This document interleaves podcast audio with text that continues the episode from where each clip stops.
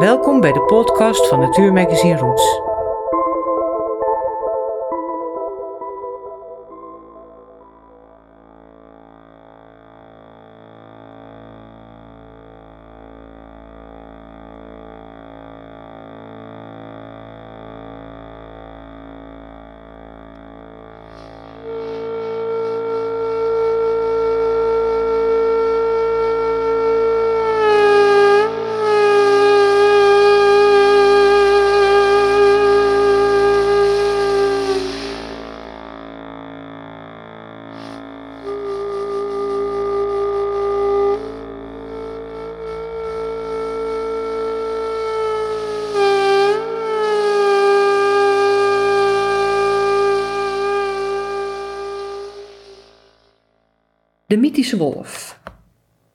Vanaf het begin der tijden werden de oud-Noorse Sul, dat is de zon, en Mani, de maan, elk etmaal weer achtervolgd door de kwaadaardige wolven Shul en Hati. Die probeerden hen tussen opkomst en ondergang te verslinden, waardoor de wereld in eeuwige duisternis dreigde te verzinken. Zo nu en dan lukte het de wolven om Sul in te halen en hem aan te vreten. Dan trad een zonsverduistering in en hieven de mensen zo'n verschrikkelijk gehuil aan dat de wolven de zon verschrikt weer loslieten. De Noorse mythen, zoals in de 13e eeuw door de IJslandse hoofdman Snorri Sturluson vastgelegd in de Edda's, gaan terug op Noorse gedichten uit de 8e eeuw. In deze verhalen wordt gewacht gemaakt van de verschrikkelijke wolf Fenris. Hij was de zoon uit een ongelukkige geheime verbintenis tussen de kwaadaardige Loki, de god van het vuur, en een in de onherbergzame Jotunheimen huizende foeilelijke reuzin Angurboda, letterlijk een slecht bericht. Loki en Angurboda kregen samen drie monsterlijke kinderen. Hel, de godin van de dood, een vreselijke slang, en de wolf Fenris. Eerst wisten de ouders hun gebroed nog verborgen te houden in hun hol, ergens in de bergen van Jotunheimen, maar de monsters groeiden snel. Na enige tijd kregen de andere goden, waaronder oppergod Odin, zijn slimme vrouw Freya en hun zonen Thor en Tur, in de gaten dat concurrent Loki met zijn nageslacht een niet te negeren bedreiging vormde voor de orde der dingen. Dit vroeg om daadkrachtig en meedogenloos optreden. Het lukte de goden vrij gemakkelijk om hel in de diepste duisternis van het dodenrijk te werpen en de vreselijke slang konden ze naar zee verbannen, waar deze de rest van zijn leven de gehele aarde moest omgorden. Fenris bleek een veel taaiere tegenstander. Hij liet zich niet wegsturen, dus de goden probeerden hem aan een paar stevige rotsen vast te klinken. Fenris verbrak echter steeds zijn ketenen, waarop de goden de elfen opdracht gaven om een onbreekbaar touw te weven. Dat unieke touw, Kleipnir, bestond uit slechts met de grootste moeite te bemachtigen ingrediënten als de adem van vissen, de baard van een vrouw, de wortels van een berg, een pees van een beer, het geluid van de voetstappen van een kat en het speeksel van een vogel. Tegen deze mix kon zelfs Fenris niets, beginnen.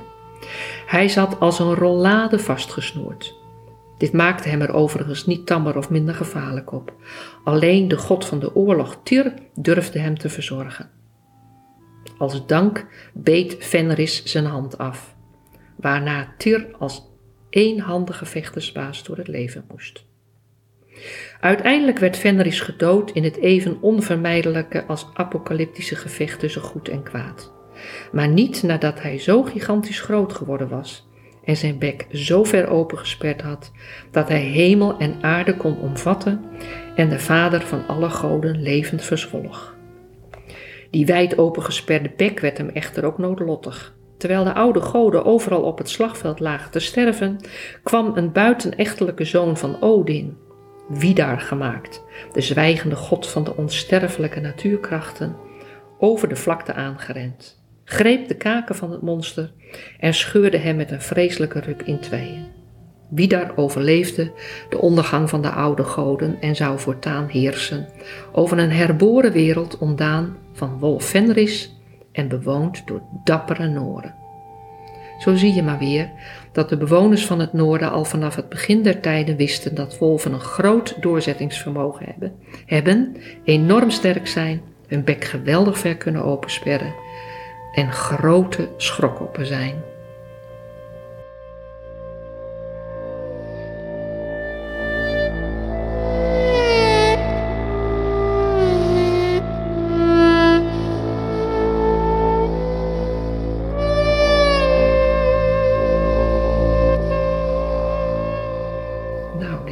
Die wisten al een heleboel over, uh, over wolven vroeger. Die wisten zeker een heleboel. Roelke, je las hier een stuk voor uit je boek uh, Wolf, de terugkeer van een, uh, van een jager. Waarom heb je dit fragment uitgekozen om voor te lezen? Nou, omdat het, het, het zegt zoveel over, over, de, over de Noren en hun relatie tot wolven. Want Noren die hebben dus van oudsher, vonden ze een wolf dus een verschrikkelijk dier blijkbaar. Ze waren dus heel erg tevreden dat hij er niet meer was, dat ze hem hebben kunnen vastbinden en hem in hun macht hebben gekregen. En dat geeft ook wel de relatie tussen Noorden en de, hun natuur weer. En ook dat ze helemaal niet zo blij, nu helemaal niet zo blij zijn, althans een heel aantal Noorden niet, die op het platteland wonen, dat die wolf weer teruggekeerd is in Noorwegen. Ja, want even voor, voor de luisteraars. Uh, je hebt in Noorwegen gewoond. Ja. Je weet dus waar je over praat, want je hebt daar, hoe lang heb je daar gewoond? Uh, totaal hebben we 15 jaar in Noorwegen en Zweden gewoond. Ja. Van de langste tijd in Noorden. Maar in het, uh, in het grensgebied tussen Noorwegen en Zweden. Ja, want even, even kort, wat deed je daar precies? Ja, wij hadden een, een, een, een groot bos met een boerderijwoning erop. Iets van 100 hectare. Met een meer en wat rivieren en uh, stroompjes. En dat, uh, dat hebben we beheerd. Daar hebben we geprobeerd een, uh, een mooi natuurlijk bos van te maken. En daar hadden we ook wat vogelaars en andere gasten die daar dan soms ook verbleven. Ja, want en je had ook een camping, toch? Een natuurcamping? Ja, dat, daar, daar, nou, dat is een groot woord hoor, natuurcamping. Het waren vooral verspreid staande tentjes daarop in dat bos en aan de, aan de oevers van het meer. Ja. ja. En even, want jouw achtergrond is ecoloog? Nee, ik ben de gedragsbioloog. Gedragsbioloog? Ja, ja. Okay. ja. ik zeg meteen nee, geen ecoloog, want ik heb weinig te maken met beheer gehad met uh, beheer van natuur of uh, relaties tussen, tussen dieren en hun omgeving. Maar ik ben dus geen boswachter of geen opgeleide ecoloog, maar bioloog. Ja, ja oké. Okay. En vanuit die interesse heb je ook het, hè, het boek wat hier voor ons ligt, Wolf, de ja. terugkeer van een jager geschreven. Ja. Want waarom wil je daar een boek over schrijven? Ja, dat heeft inderdaad wel veel, denk ik, ook te maken met dat gedragsbioloog zijn. Dat ik vond dat er zo, als er wat over wolven gezegd en geschreven werd, hè, nu, ze, nu ze ook terugkeren in Nederland, ging dat veel over het beheer van wolven. Van hoe moeten we daar nou, wat voor invloed zullen ze ook op het landschap hebben en op onze natuur hebben. En niet zo heel veel uh, op hun, uh, over hun gedrag.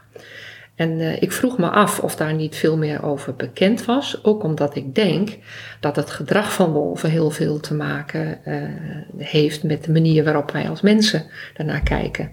Ze, wolven gedragen zich, verhouden zich op een bepaalde manier tot ons, onszelf en tot onze huisdieren.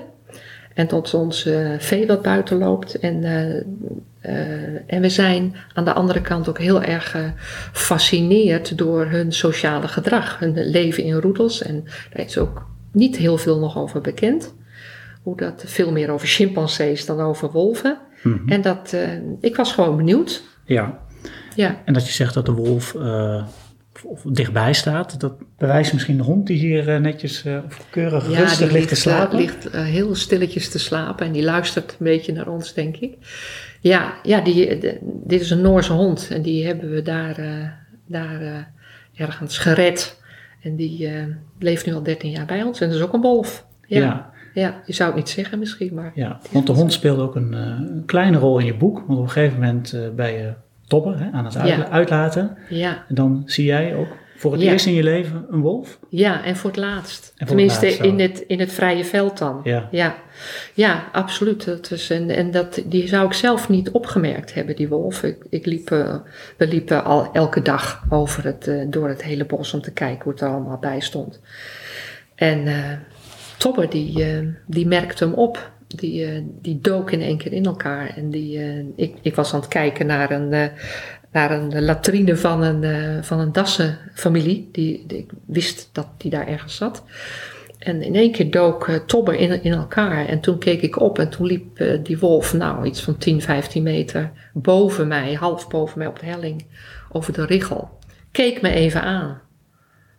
Vond me blijkbaar niet relevant. En Tobber ook niet echt relevant, gelukkig. En, eh, en liep weer verder.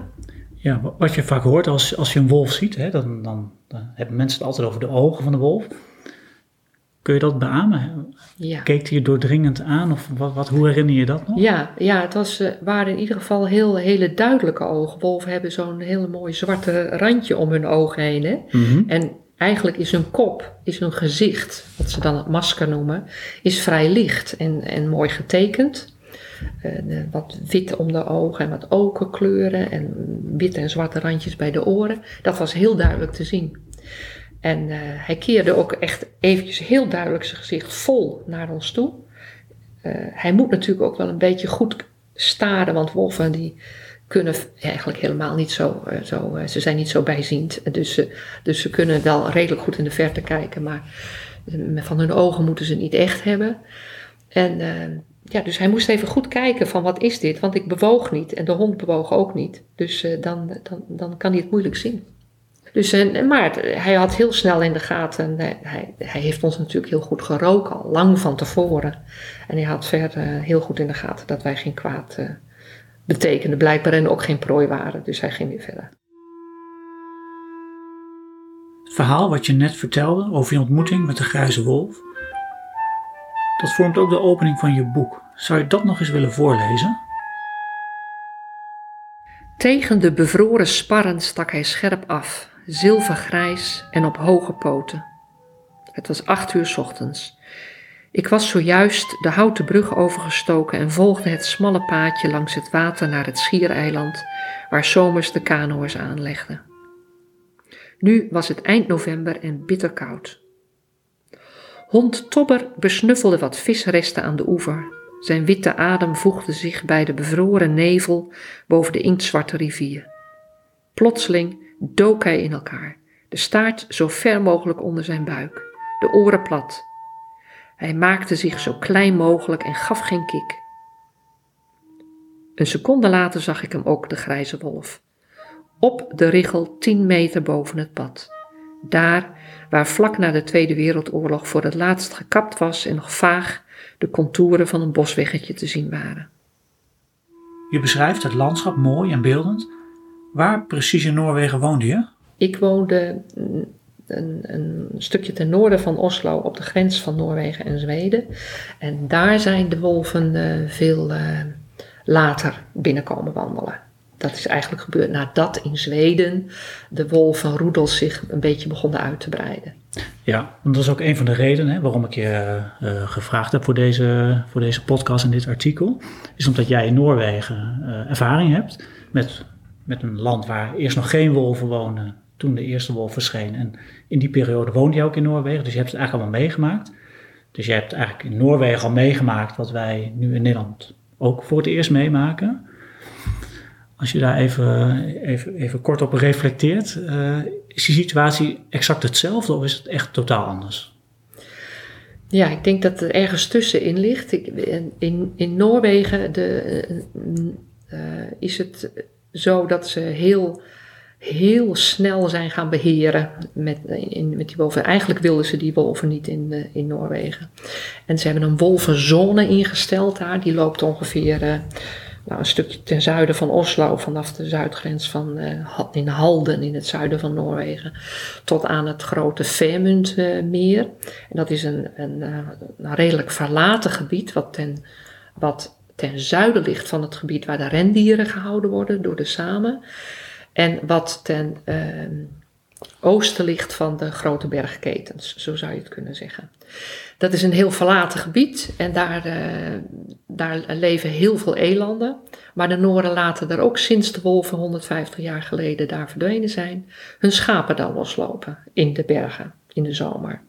En daar passen ze verder niet op. Die laten ze daar gewoon uh, loslopen. En ze zien aan het eind van het zomerseizoen wel hoeveel schapen er weer terugkomen. Daar komt het eigenlijk op neer. Ja, dat is natuurlijk al een beetje vragen om problemen met wolven in de buurt. Als je je schapen los laat lopen. Maar nog even over die wolvenzone. Hoe groot is die, uh, is die zone ongeveer? Uh, als ik het in kilometers. nou, dat is zoiets als Nederland, denk ik. Een, oh. een smal Nederland. Ja. ja. Ja, dus zo zou je het kunnen zeggen. 300 kilometer lang ongeveer. Ja, zeker, zeker wel. Ja, dus behoorlijk groot. En dat is een gebied, daar mogen, uh, daar mogen wolven zich in beperkte mate voortplanten. Daarbuiten mag dat dus ook gewoon niet. Dus eigenlijk is dat uh, hoe de Nooren hun wolven beheren, komt een beetje overheen met onze wildzwijnenbeheer in Nederland. We hebben gezegd, daar mogen wilde zwijnen zijn, daar mogen wilde zwijnen zijn. Kom je er buiten, schieten we ze af. Daarbinnen ja, gedrogen we ze, maar worden ze wel beheerd. Ja, daar zou je het wel mee kunnen vergelijken. Behalve dat uh, de, uh, de wilde zwijnenstam in Nederland is echt levensvatbaar. Dat zijn zoveel dieren dat er geen intilt op gaat treden bijvoorbeeld. In Noorwegen is het zo dat de wolven, er mogen niet meer dan 50 wolven in Noorwegen leven. Dat zijn ongeveer drie roedels die ze, die ze toestaan. Dat betekent dat je grote problemen krijgt met uh, inteelt. En omdat er zoveel geschoten worden in, uit die roedels, krijg je ook allerlei problemen met de sociale structuur in die roedels. Ja, hoe, hoe komt dat eigenlijk? Want als ik aan Noorwegen denk, denk ik aan een land van, van wilde natuur, uh, veel ruimte, uh, mensen die graag de natuur intrekken. Dan verwacht je misschien ook een, een land wat open staat voor wilde dieren. Maar dat is dus helemaal niet zo. Nee, in, in Noorwegen is dat, uh, is dat in veel mindere mate het geval dan in Zweden. Daar, eh, daar uh, houden ze echt heel veel van hun uh, natuur. En de, en de Noren in de steden doen dat ook wel. 80% van de Noren zijn er ook absoluut voor dat er wolven in Noorwegen leven. Maar er zijn in Noorwegen ook heel veel platte landers, boeren, die schapen houden en ook nog jager zijn. En die vinden dat ze ook, eh, met name de jagers, eh, voelen zich zwaar bedreigd door, eh, door wolven. Die vinden dat de elanden schuw worden, dat ze die niet meer kunnen bejagen enzovoort. En daar, zijn echt, um, er wordt veel illegaal geschoten, ook op wolven. En er, zijn rechtszaken geweest, er zijn mensen voor jaren het gevangen ingegaan om, hier, om te pogen hier paal en perk aan te stellen. Het is gewoon een strijd die daar gaande is. Maar dat is dus een machtige groep mensen die dus blijkbaar voor elkaar krijgt dat een groot land als Noorwegen een relatief klein gebied uh, toelaat waar wolven mogen zitten. Is, zijn zij zo machtig dan, die schapenboeren en, die jagerslobby? Ja, de, uh, dat was voorheen wel zo. De overheid heeft er nu, uh, het Openbaar Ministerie is, zwaar, heeft echt zwaar ingezet hierop. Ze vonden het georganiseerde misdaad, dat was het ook. En dus er is nu wel redelijk paal en perk aangesteld. Maar bij, in Noorwegen is het eigenlijk net zoals een als bij met hun walvissenbeheer ook. De natuur is er in Noorwegen wel heel sterk om te gebruiken. Dat is misschien nog veel meer zo dan in een uh, verstedelijkt uh, land als Nederland of als Zweden ook. Waar Zweden zijn natuurlijk ook al heel lang veel meer steden dan in Noorwegen. Noorwegen was een plattelands... Uh, natie, altijd al, tot, mm totdat ze olie ontdekt hebben en het opeens heel snel gegaan is met de ontwikkeling daar. En ik denk dat ze daarmee worstelen om daar, uh, daar een uh, evenwicht in te vinden. Is in dat opzicht Noorwegen echt anders dan Nederland qua uh, mentaliteit of qua mensen? Want als je zegt, het zijn een plattelandsnatie. nou, ik denk niet Nederland dat... misschien dat, ook. Ja, ja de, je, ik denk dat je er moet kijken of je je lering uit kunt trekken. Kunt kijken van goh, hoe, hoe zou het uit de hand kunnen lopen als je als mensen zich uh, het, uh, de wet in, in eigen hand nemen en hun gang gaan en daar niet goed op gelet wordt hoe dat, hoe dat gaat. Er zijn natuurlijk altijd tegenstellingen. Er zijn mensen die zijn, ook in Nederland zijn er heel veel mensen die zijn die willen het liefst met, met wolven knuffelen. Die willen hen, hen aaien en eten geven. En dat is ook gevaarlijk. Er zijn aan de andere kant mensen die zeggen, ja, zoals de directeur van de Hoge Veluwe, van ja, maar ik wil niet dat ze mijn moeflons op de Hoge Veluwe allemaal gaan opeten. En een schapenboer wil ook niet dat hij al zijn schapen kwijtraakt. Dat is natuurlijk logisch. En daar moet je wel goed over praten. En ik denk dat het heel belangrijk is dat je de feiten gewoon goed op een rijtje krijgt. En dat ontbreekt wel eens aan, zowel in Noorwegen als hier. Dan wordt het emoties Heel veel emotie en weinig feiten. Ja. Nog even over die wolvenzone uh, in, in, Noorwegen. Uh, in Nederland op de Veluwe is, is er een gebied aangewezen waar de wolven nu uh, leven, om het zo maar even te zeggen. Ja. Zijn de regels die in die wolvenzone in Noorwegen, zijn die wezenlijk anders dan die in Nederland? Ja, ja, het, het, is een hele andere. Het, het, heet allebei zone. Dat is een beetje ongelukkig eigenlijk, want mm -hmm. het is iets heel anders. En de wolvenzone in Noorwegen is gewoon het gebied waarbinnen de, de wolf wat meer rechten heeft dan de, dan de schapen. En, uh, en de schapen, dat, is wel, dat zou je wel goed kunnen vergelijken. De schapenboeren in de wolvenzone worden nu ook verplicht om, uh, om uh, maatregelen te nemen tegen uh, frate wolven. Dus dat is vergelijkbaar, denk ik. Maar in Noor Noorwegen is het zo, ja, daarbinnen, de, de, wolf die mag dat gebied niet kiezen. In Nederland mag de wolf in wezen kiezen waar hij wil gaan wonen. Maar in, ja. in Noorwegen is dat gebied toegewezen. En daarbuiten wordt hij rigoureus afgeschoten.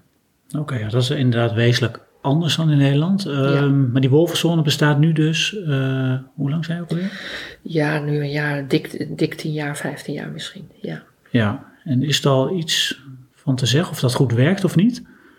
Nou, de, de, de doelen die, uh, die de Noorse overheid ermee stelt, namelijk de wolven binnen, binnen dat gebied houden en, uh, en daarbuiten schieten ze, geven ze elk jaar licenties aan de jagers, mogen ze alle wolven afschieten buiten dat gebied. Dat werkt ja, daar zijn we wel toen in staat met onze geweren. Hè, als mensen, dat, dat, dat lukt wel. Uh, wat Noren niet doen is, uh, is goede maatregelen nemen om hun schapen te beschermen. Dat doen ze niet. En ik denk dat ze dat niet doen omdat die wolven ook eigenlijk heel weinig schapen pakken. Want er zijn iets tussen de 2 en 3 miljoen schapen worden in Noorwegen per jaar losgelaten in de, in de natuur. Daar worden er honderdduizend van, gaan er daar gewoon van dood door ziekte en kou en, eh, en, enzovoort. En, en uh, uh, een paar tientallen duizend door roofdieren, maar maar 300 in afgelopen jaar en het jaar daarvoor ook, maar 300 door wolven van de 100.000 die er doodgaan. Dus wat zullen die boeren zich ook druk maken daarom? Ja. Dat die enkele, de enkele schapen door uh, een wolf wordt doodgebeten. Nee, daar, ze zijn veel uh, bezorgder uh, omdat ze jager zijn. Daardoor zijn ze bezorgd. En dat zijn de jagers in Nederland veel minder. Mm -hmm. Dat is een groot verschil, vind ik. Nederlandse jagers die zien uh, die wolven helemaal niet als concurrent. Die denken van nou, er zijn zoveel reeën in Nederland. Het is ook zo honderdduizenden reeën. Uh, en die, uh, de Nederlandse jagers kunnen, kunnen dat helemaal niet aan. Die moeten elk jaar een heleboel uh, reeën afschieten hè, van de provinciale overheden. Mm -hmm. Wordt er geteld en dan moeten ze afschieten. Dat halen ze helemaal niet. Ja, maar in die wolvenzone mogen dus maximaal 50 wolven leven. Dus worden, ieder jaar worden ze geteld. Uit, uitgedund kun je wel zeggen. Of ja. uitgedund, ja. ja. Hoeveel worden per jaar afgeschoten? Nou, dat zijn er meestal ook wel nou, een paar tientallen volgens mij. Ja. Ik geloof niet helemaal 50. Ja. Maar misschien ook wel, want ze zwerven elke keer natuurlijk ook weer naar binnen hè, vanuit, uh, vanuit Zweden. Ik geloof dat afgelopen jaar er weer uh, licentie gegeven is voor 25, uh, afschot van 25 wolven. Ja, en dan heb je het over hoeveel roedels leven dan in zo'n gebied? er mogen niet meer dan drie roedels leven. Dus als ze zien dat er een gezin, als ze vaststellen dat er zich weer een, een echtpaar, een wolven-echtpaar vestigt, ja dan, uh, en ze krijgen weer jongen, dan uh, wordt daar tegen opgetreden. Maar die 50, of, hoeveel het er ook zijn, uh, per jaar die ze afschieten, die kunnen ze dus vrij makkelijk traceren. Wolven zijn toch hartstikke schuw en bijna niet te vangen? Ja, nou, en er zijn wel heel veel jagers in Noorwegen, veel meer dan in Nederland. Oké, okay, ja. ja. Veel enthousiasme. Ja, ze, ze jagen veel op elanden, dus ze lopen door, altijd door die bossen. Ja, en er zijn erg veel elanden.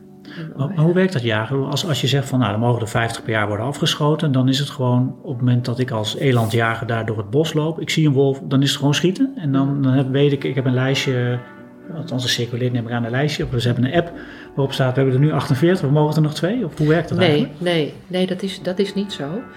De illegale jagers doen het wel zo. Het is natuurlijk lastig om vast te stellen of een jager uh, met een, uh, met een geweer op elanden uit is of op, op wolven. Ja. Dus zo, zo gaat dat wel. Dat geven ze ook aan elkaar door. Met, eh, gewoon met inderdaad appjes, mobiele telefoons van we hebben weer daar een paar wolven gezien en eh, ga je mee jagen enzovoort. Althans, tot, tot de straffen uitgedeeld zijn een paar jaar geleden gebeurde het zo. Hoe het nu is, weet ik niet precies. Nee.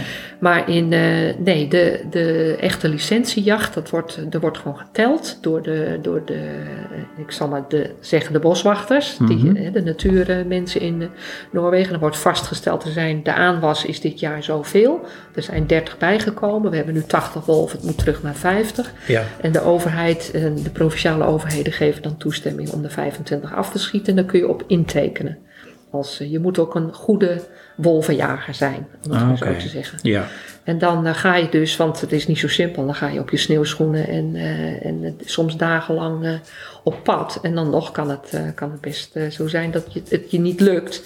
Maar goed, eh, als je een echte jager bent, vind je het natuurlijk allemaal hartstikke spannend. Dus dan ga je daar. Ze hebben nooit Ja. problemen met het vinden van. eh, Met het werven van jagers? nee, nee, nee. Oké. Maar ehm, nog even over die, over, over die, over die zone. Hè. Die is dus ongeveer net zo groot als Nederland. Ehm, goed, in Nederland leven er nu, ik weet niet hoeveel, wat de actuele cijfers precies zijn, maar wat hebben we er nu? We hebben een, op de Veluwe Eén- zit- één- zit één een- familie in ieder zit een, geval. zit een Ja. kleine familie. Ja. Dus er werven hier en daar wat wolven rond. Dat zijn nog lang geen 50. Ehm, hoe, hoe gaat zich dat in Nederland dan ontwikkelen? Ga- moeten we ook naar richting de 50 wolven en is het dan gewoon genoeg? Of hoe Mm. kijk je daarna?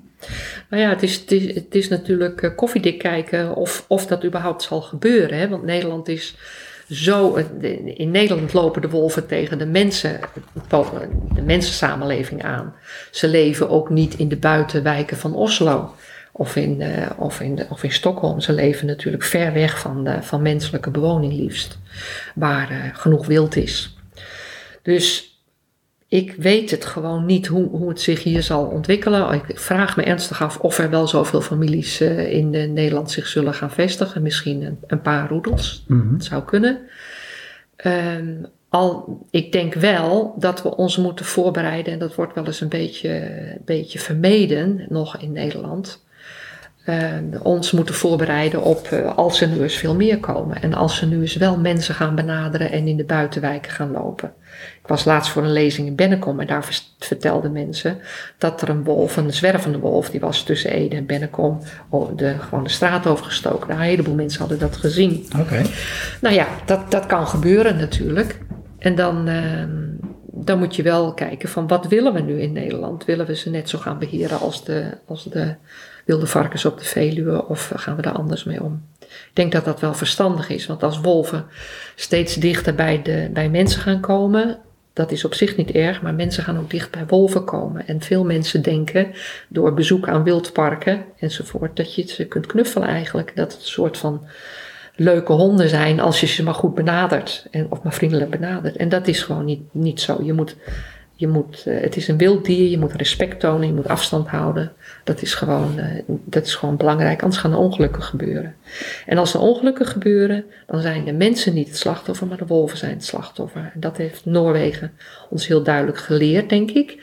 En dat, eh, dat gebeurt nu ook in, in, in Duitsland. Daar, daar. En in Frankrijk denk, is men ook al een beetje bezig met beheer. Italië ook. Ik denk dat we dat, daar wel over moeten nadenken. Ja, want hoe, als je zelf stel, hè, eh, de overheid meldt zich bij jou met de vraag van hoe, hoe denk jij dat we wolven moeten beheren in Nederland? Wat, wat is volgens jou het ideale scenario qua beheer? Dat, dat weet ik niet.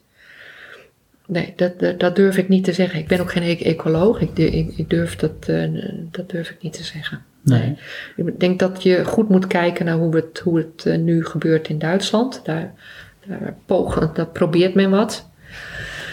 En ehm, dat ehm, we van de ervaringen in, eh, in de Verenigde Staten en eh, Zweden en eh, Duitsland moeten, moeten leren. Daar is te raden moeten gaan hoe je dat nou het beste aanpakt. Maar het is allemaal nieuw voor iedereen. Dat is, dat is gewoon, ja. Ja, maar het feit dat, dat de wolf uit zichzelf naar Nederland is gekomen, dat juich jij denk ik als bioloog toch wel toe, of niet? Nou, ik vind het wel heel erg eh, dapper van die wolven, laat ik het zo zeggen. Of ik het zo erg toejuich, weet ik niet. Want ik weet niet of wij zo'n goed... Kijk, die wolven zijn gewoon het voedsel achterna gelopen. Er zijn hier heel veel reeën, daarom komen ze hier naartoe. En niet omdat wij nou zo'n geweldig, tenminste dat is mijn overtuiging...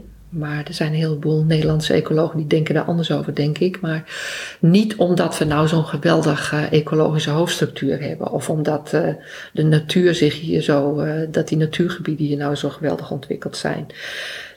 50 jaar geleden hadden we in Nederland uh, vrijwel geen reeën. Maar we hadden wel fantastisch grote militaire oefenterreinen die hartstikke stil waren. Waar nog geen snelwegen langs liepen. Maar die wolf kwam niet hoor. Dus, nee. uh, maar nu is, is er gewoon heel veel te eten. Maar 50 jaar geleden was de wolf misschien ook nog veel verder weg van Nederland af. Dus ja, dat, dat, is wel waar wat je zegt. Dat, dat speelt ook wel mee. Toen, toen was het natuurlijk, uh, voor 1990 was het gewoon lastig voor wolven om hier naartoe te komen. Omdat het ijzeren gordijnen nog was en er behoorlijk stevig, is, uh, rond de jaren 70 werd er behoorlijk stevig gejaagd op de Russische wolven. Dus die stammen waren klein. Dat is Ja. absoluut waar. Ja. ja. Ehm, Wolf in Nederland heeft ooit eens een, een kaartje gepubliceerd waarop je kunt zien eh, hoeveel roedels er mogelijk in Nederland zouden kunnen vestigen. Dat waren er best veel. Ik, ik, een stuk of 40, 50 meen ik, Ja, eh, meen ik ja, uit mijn hoofd. Ja, dacht het ook, ja. Nou, dat, eh, een roedel is hoeveel dieren ongeveer? 10, 15? Ja, dat kan. Dus het begint natuurlijk met een gezin met eh, iets van drie, vier, eh, misschien vijf, zes jongen. En dan Ja. eh, nog een paar generaties. Dus het kunnen. Ja, de roedels in Nederland zullen niet zo verschrikkelijk groot zijn, denk ik. Want ze, ze hebben elkaar niet nodig om op, op bizons te jagen hier. Nee. Dus, en en je kunt in je eentje ook heel goed een ree bejagen. Dus ze zullen niet zo groot zijn, maar ja, zeg maar tien dieren. Ja, Ja. denk ik. Maar goed, zeg we hebben 30 roedels, keer 10 heb je al 300 wolven. Dat is natuurlijk een flink aantal voor een land als Nederland. Ook al lopen er heel veel reeën, dan zijn er nog heel veel wolven. We hebben ook heel veel mensen in Nederland. Ehm, zie je daar ook een gevaar in als het aantal wolven stijgt? Dat ook het aantal ontmoetingen met wolven, hè, de kans op dat dat toeneemt. Dat dat conflicten gaat veroorzaken? Of hoe kijk je daarna? Ja, ja dat, is, eh, dat, dat is mijn grote zorg. Mijn grote De zorg. botsing tussen mens en wolf. Ja, ja, mijn grote zorg is dat als er veel wolven, veel wolven zouden komen, dat die ook eh, veel frequenter eh, in de buurt van mensen eh, zullen zijn. Mensen lopen door heel Nederland. Er is geen plekje in Nederland waar geen mens de, een hond uitlaat of met zijn kinderen door het bos loopt of wat ook maar. Dus je krijgt ontmoetingen tussen, veel meer ontmoetingen tussen mensen en wolven, denk ik. En mensen zullen wolven dan gaan benaderen, dat, dat vrees ik. En als mensen wolven gaan benaderen, dat hebben we ook in Duitsland, eh, is, is dat nog veel eh, vertoond. Dan eh, worden wolven minder schuw voor mensen. Ze zijn nu heel erg schuw voor mensen. Grijswolven in Europa zijn sowieso erg schuw. Mhm. Mogelijk door de, door de historie met, met alle jacht in, het, in de voorgaande eeuw. Maar ze zijn erg schuw. Ze houden zich duidelijk op afstand. Maar dat leren ze gauw af als ze merken dat ze ergens lekker eten kunnen krijgen. Of dat mensen helemaal niet gevaarlijk zijn. Dat ze die, die helemaal niet doodgeschoten worden door, door mensen of, eh, of weggejaagd. En wat dan als, als een wolf doorkrijgt dat, dat mensen eh, misschien niet zo heel gevaarlijk zijn? Ja, dat is, eh, dat is gevaarlijk, want dan, krijg je, dan kan het maar zo een keer gebeuren dat eh, een wolf een mens misschien toch als prooi gaat zien, omdat het, omdat klein is, omdat hij eh, omdat het een klein kindje is die in zijn, in, eentje, in zijn eentje in het bos speelt. Een klein rood kapje zou ik maar zeggen. Of omdat er een, eh, om, om een, mens zich zwak opstelt. Ehm, eh, honden, daar houden wolven sowieso niet van. Dus als jij je hond niet aan de lijn hebt in een natuurgebied, dan, ja, dan ga je echt problemen veroorzaken, denk ik. Want dan worden. Ja, dan gaan wolven gewoon steeds meer mensen benaderen. Dat gaat gewoon gebeuren. Dat, Ja. is, dat, dat lijkt mij. En dat is eh, bekend heel gevaarlijk. Wolven, die, we, we kunnen dat wel ontkennen, maar wolven kunnen mensen natuurlijk aanvallen en, en ook eten.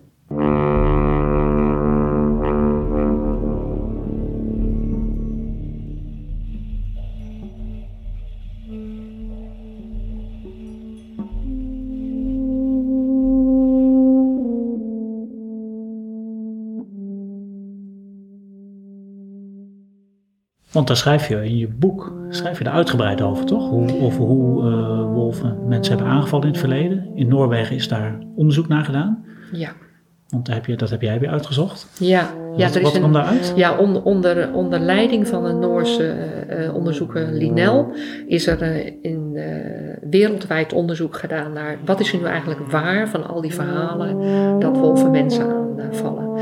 En dat, eh, nou, dat is waar. Het is veel en veel en veel minder dan, eh, dan men dacht. Mhm. Maar het, is, het kan gebeuren. En dat, eh, en dat eh, kan gebeuren omdat wolven in het verleden natuurlijk heel vaak hondsdol waren. De meeste wolven die mensen aanvielen waren hondsdol. Dan nog weer een heel groot deel, dan nog weer de meeste van de helft zal ik maar zeggen, die, die werden door mensen bedreigd. Door, doordat ze hun, bijvoorbeeld hun, eh, hun hol eh, uitgroeven en hun jongen probeerden te vangen en te doden. Of omdat ze ze in een klem gevangen hadden en, eh, en de wolf nog niet dood was. Ja, dan kan een wolf je aardig toetakelen. Mhm. Maar in een heel enkel geval is een, men, is een wolf een mens blijkbaar als prooi gaan zien. En dat, is, dat vond ik wel intrigerend. Van hoe gebeurt dat dan? Ja, Ja, en dat is, daar is een, een recent geval, eh, nog niet zo heel lang geleden, 2010 is dat gebeurd in, eh, in Alaska. Dat eh, iemand, een, een meisje werd aangevallen. En misschien moet ik het zelfs even voorlezen uit, uit het boek, want het mooie dan ik het toen heb opgeschreven, want dan kan ik alles doorstrepen en herstellen, ja. kan ik het nu toch niet vertellen. Nou, En maar dat geeft wel weer waar je op moet letten als je een wolf tegenkomt, denk Ja. ik. En hoe je je moet gedragen. nou, als je dat wil voorlezen, graag. Dat gebeurde in maart 2010 bij eh, Anchorage, een plaats in eh, Alaska. Candice Burner, een 32-jarige kleine, tengere vrouw, ging in de namiddag van 6 maart joggen buiten Chicknick Lake, een afgelegen dorpje met 70 inwoners in de buurt van Anchorage. Dat ligt in het zuidwesten van Alaska. Candice was onderwijzeres aan de plaatselijke school en jogde elke dag na schooltijd langs een besneeuwde weg die uit het dorpje naar het oosten liep, langs een vuilstortplaats en dan het bos in. Hardlopen na haar werk had ze nodig om de beslommeringen van de dag uit haar hoofd te verjagen. Bovendien vond ze het heerlijk. Zoals altijd had Candice oortjes in en luisterde ze naar muziek en omdat het stevig vroor had ze zich goed ingepakt. Gewoonlijk jogde ze een aantal kilometers het dorp uit en rende dan langs dezelfde route weer terug, maar deze keer niet. Haar lichaam werd ongeveer drie kilometer buiten het dorp gevonden, niet ver van de plek waar een van haar wandjes op de weg lag. Haar dood werd nauwkeurig onderzocht. Daarvoor werden acht wolven gedood en ontleed. Bovendien spraken de autoriteiten uitgebreid met de dorpelingen. Het werd meteen duidelijk dat er ruim voldoende elanden in het gebied leefden en dat de wolven in deze streek niet met rabies besmet waren. Rabies is uh, hondsdolheid. Wel hadden de dorpelingen al enige tijd drie, soms zelfs vier wolven in de buurt van het dorp gezien. Die stonden zelfs enige tijd naar hen te kijken en ze hadden de wolven niet weggejaagd, zelfs niet nadat ze een paar maal een van de vele loslopende honden hadden gedood. Niemand had de wolven gevoerd, maar ze hingen wel vaak op de vuilstortplaats rond. En dat vonden de dorpsbewoners heel normaal, want beren zochten daar ook altijd naar voedsel. En daar moest je wel een beetje mee oppassen en de dorpelingen vermeden de stortplaats dan ook. Candice was de enige die buiten het dorp hardliep en vele dorpelingen vonden dit gezien de scharrelende beren behoorlijk gevaarlijk. Sporenonderzoek wees uit dat Candice vlak voor een bocht in de weg een scherpe draai had gemaakt. Daar hadden drie wolven midden op de weg gelopen, was aan de sporen te zien, en één in de berm. Candice was op topsnelheid teruggerend naar het dorp, maar al snel hadden de wolven haar ingehaald en van beide kanten aangevallen. Ze was vrijwel meteen gestorven, waarna de wolven haar van de weg gesleept hadden. Slechts van één van de acht na het ongeval geschoten wolven werd erfelijk materiaal op de kleding van Den Candice aangetroffen. Deze wolf en vijf anderen waren in een uitstekende conditie. Twee wolven waren broodmager, maar leken niet bij de aanval betrokken geweest te zijn. Een aantal macho-jagers uit de omgeving eiste toestemming van de overheid om alle wolven in het district af te schieten. Die toestemming kregen ze niet. De rouwende vader van Candice zei: op haar begrafenis. De wolven deden gewoon wat wolven altijd doen. Ik haat hen niet. De Wildlife and Fisheries Service, die het onderzoek naar de dood van de onderwijzeres uitvoerde, legde nogmaals nadrukkelijk aan de bewoners van Chicknick Lake uit wat je wel en niet moet doen in Wolvenland. 1. Laat geen afval open en bloot liggen. 2. Voer nooit een wolf. 3. Ren nooit weg als je een wolf ontmoet. 4. Kijk het dier aan en maak je zo groot mogelijk. 5. Schreeuw en zwaai met je armen of gooi stenen naar een naderende wolf. En 5. En als je dan toch aangevallen wordt, verdedig je dan tot het uiterste. Candice had een zeer ongelukkige ontmoeting met een groep wolven die hun achterdocht voor mensen aan het verliezen waren en hen met voedsel waren gaan associëren. Ze werd totaal verrast, ook al doordat ze naar muziek luisterde. Ze rende zo snel mogelijk weg van de wolven, waarmee ze hun jachtinstinct aanwakkerde. Bovendien was ze alleen, klein en tenger. Ja, dus daar kun je wel, uh, daar moet je lering uit trekken, denk ik, bij een ontmoeting met een wolf. Maar. In ieder geval niet wegrennen. Nee, maar als je er een ontmoet. Ik bedoel, dit, dit gebeurt. Je ziet hem staan. En je, mhm. ik zou zeggen: uh, sta stil. Houd afstand. Geniet. ja, ik, ik hoop echt dat ik er ooit nog, weer, nog een keer weer een zie. En dan uh, laat dat, uh, dat smartphone maar in je zak zitten, denk ik dan. En, en genieten. En ja. Ja, maar het verhaal wat je net voorlas, hè, daar zit natuurlijk daar zit ook een beetje het angstbeeld in, wat, wat toch mensen ook een beetje van de wolven hebben. Maar ergens in je boek schrijf je ook hè, dat leven met wolven een kwestie van wennen is. Deze mevrouw woonde in wolfgebied. Zou het gewend moeten zijn, maar toch ja. gaat ze met oortjes in rennen. Is dat dan gewoon onvoorzichtigheid, te gewend? Eh, hoe, hoe, zie je nou, ik denk, zij was uh, vrij, uh, vrij ze was een nieuwkomer in dat dorp. Hè? Oh, zij was een onderwijzeres geworden. Kijk, de mensen in het dorp zelf, die zeiden, ja, dat, dat moet je dus niet doen. Die deden dat ook niet. Ze hadden haar beter wel goed kunnen waarschuwen en zeggen, dat moet je, misschien hebben ze dat ook wel gedaan hoor. Dat, dat weet ik niet. Maar zij, ja, zij vond het zo heerlijk. Ze heeft zich dat niet goed gerealiseerd, denk ik. Dat het toch wel heel gevaarlijk was. ja. Dus die lessen die die dorpelingen daar al, kenden, die moeten alle Nederlanders zich nog eigen maken die het bos ingaan of op de heide wandelen. Of... Ja, ik, ik denk dat eh, als je dat zou kunnen voorspellen, dat uh, als zij niet meteen was omgedraaid en, en zo hard mogelijk was weggerend, wat natuurlijk het, het jachtinstinct van die wolf getriggerd heeft, dan, dan was er niets gebeurd, denk ik. Zij had moeten blijven stilstaan, met de armen zwaaien, hard roepen, ga weg, ga weg, wolf. En, uh, en, blij, en blijven staan, zodat die wolven zien, nou, dit, is helemaal geen prooi. Kijk, als wolven één keer achter een prooi aanrennen, dan krijg dat is een, een, een, dat jachtinstinct neemt dan absoluut de overhand. Ze worden helemaal dol. En uh, dat moet ook, want anders gaan ze niet hun leven wagen om een prooi eh, te vangen. Dus dat is biologisch gezien natuurlijk uh, ook noodzakelijk. Dat moet je niet triggeren, denk ik. Dat lijkt me onverstandig. Maar dat doe je met een wild varken. Nou, ik bedoel, als je een wild varken op de Veluwe tegenkomt, of zo'n Tauros rund, wat tegenwoordig ook uh, blijkbaar mm rondloopt, dan moet je ook ontzettend goed uitkijken. Nee, dat zijn indrukwekkende dieren. En, uh, ja. Maar goed, die, die, grazen nog rustig en daar kun je nog tussendoor lopen met ja. enige voorzichtigheid. Dat is natuurlijk met wolven net wat anders. Ja. Maar denk je wel op basis van wat je nu allemaal hebt uitgezocht en hebt gelezen en wat je in je boek hebt opgeschreven, is dat het gaat lukken in Nederland? Kunnen we in Nederland goed samenleven met wolven? Nou, ik, heb er, ik ben wel een heel optimistisch mens, dus ik heb er altijd vertrouwen in dat uh, mensen kunnen leren. Ja, dat, dat denk ik. En er zijn natuurlijk heel veel mensen in Nederland die, uh, die net zo denken als wij er nu over praten. Hè? Van nou, je moet gewoon net afstand houden. We hebben natuurlijk ervaring met uh, Schotse hooglanders. We hebben ervaring met het lopen in, in in wild, wildgebieden. Ik sprak laatst met mijn zusje, die, altijd, die woont op de Veluwe bij Apeldoorn. En die laat haar honden, die loopt altijd met haar honden daar. In een gebied waar ook, uh, ook die wolven zo ongeveer wonen. En die zei, ja, ik loop, je bent toch ook wel gek als je je hond los laat lopen in, in zo'n wildgebied. Dat, dat moet, je moet hem netjes aan de lijn en je moet niet door de bosjes struinen. Je loopt gewoon op de paden. En dan hebben die wolven jou al lang in de gaten, want die hebben zo'n perfecte reuk. Mhm. En die gaan echt niet jou benaderen.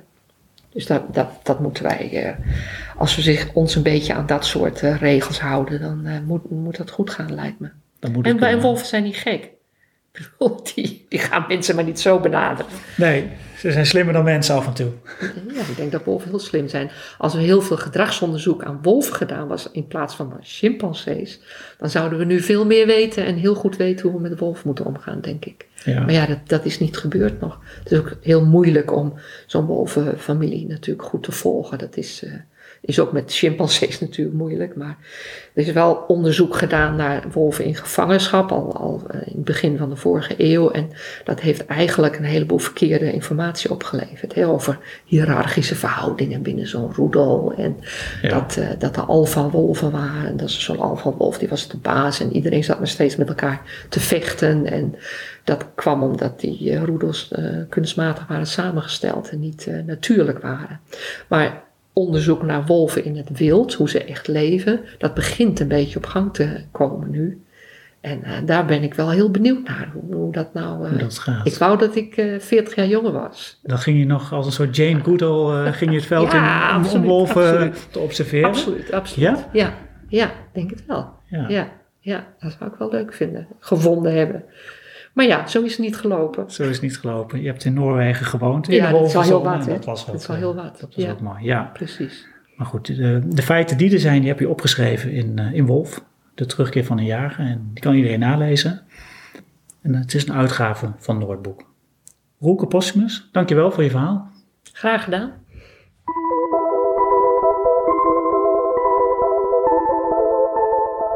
Leuk dat je luistert naar de podcast van Natuurmagazine Roots. Wil je meer weten over natuur in Nederland? Kijk dan ook eens op onze website rootsmagazine.nl. Heb je nog vragen of opmerkingen? Mail ons gerust. Dat kan op info@rootsmagazine.nl.